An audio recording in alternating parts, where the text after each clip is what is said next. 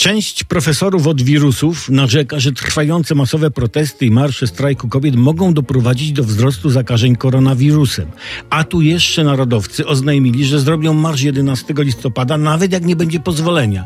Urządzą po prostu, tak jak strajk kobiet, spontaniczne zgromadzenie duże spontaniczne zgromadzenie. I tu jest pewna możliwość, kontrowersyjna, tak, jak powstrzymać radykałów z prawa i lewa przed kolejnymi marszami. Powinno się doprowadzić do starcia lewackiego i prawackiego marszu. No, rozumiecie?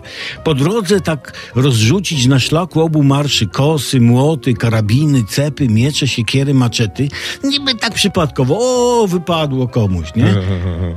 I jak te dwa radykalne marsze się zejdą, to oni się nawzajem pozabijają, nie? Wokół ustawi się żołnierzy WOT-u, policjantów, tam żołnierzy i oni będą mieli ważne humanitarne zadanie. Będą dobijać tych, którzy się jeszcze ruszają. Ale później pozostała, pragnąca spokoju część społeczeństwa społeczeństwa usypie z prochów radykałów w podniosłej, poważnej uroczystości, kopiec, pomnik z tablicą o treści oszołomom wdzięczny naród.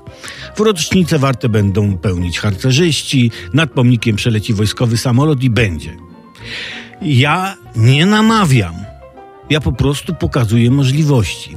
A jak to nie pomoże, no to jeszcze jest jest jeszcze bardziej radykalny sposób, tylko on jest bardzo drastyczny i straszny, wbrew międzynarodowym konwencjom o rozprzestrzenianiu broni masowego rażenia i mogą Polskę spotkać międzynarodowe sankcje.